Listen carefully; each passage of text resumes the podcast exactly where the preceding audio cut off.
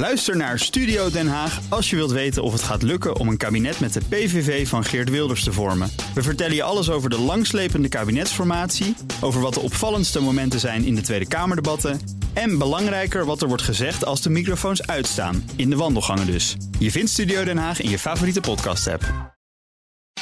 De column van Marianne Zwagerman. De NPO moet bekend komen te staan als de Nederlandse persoonlijke omroep. Woordgrapte Martijn van Dam vrijdag in de Volkskrant.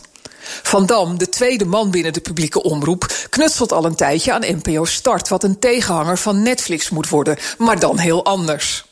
Netflix is de kampioen van de filterbubbels. En de met belastinggeld gefinancierde programma's moeten digitaal juist zo aan de man gebracht worden dat ze mensen aan het denken zetten en uitdagen om ook de andere kant van het verhaal eens tot zich te nemen.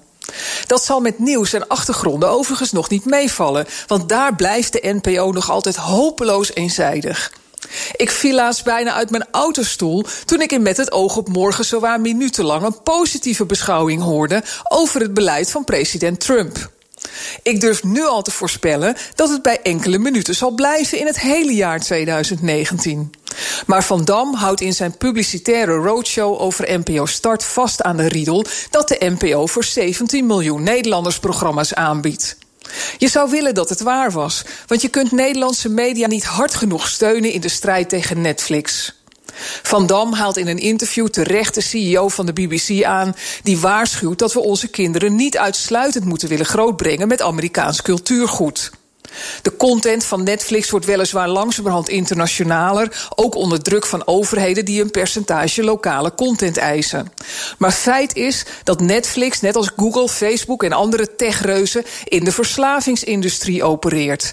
In een recente aflevering van de Technoloog podcast werd uitgebreid uit de doeken gedaan hoe de datastrategie van Netflix in elkaar steekt. Met wel tot 70 tags per serie, zodat ze steeds beter in kunnen spelen op de gevoeligheden van kijkers die met elke kijkminuut tot een zwaardere schermverslaving worden aangezet. Hoe wurm je de Nederlandse programma's daartussen? Dat is de vraag die alle omroepen bezighoudt. De NPO en de omroepverenigingen die zij behoort te vertegenwoordigen, rollen vechtend bij minister Slop over de stoep. Slop is geporteerd van het idee dat omroepen een eigen community meebrengen die een belangrijke rol kunnen hebben in de distributie van de programma's. Een theorie die klopt.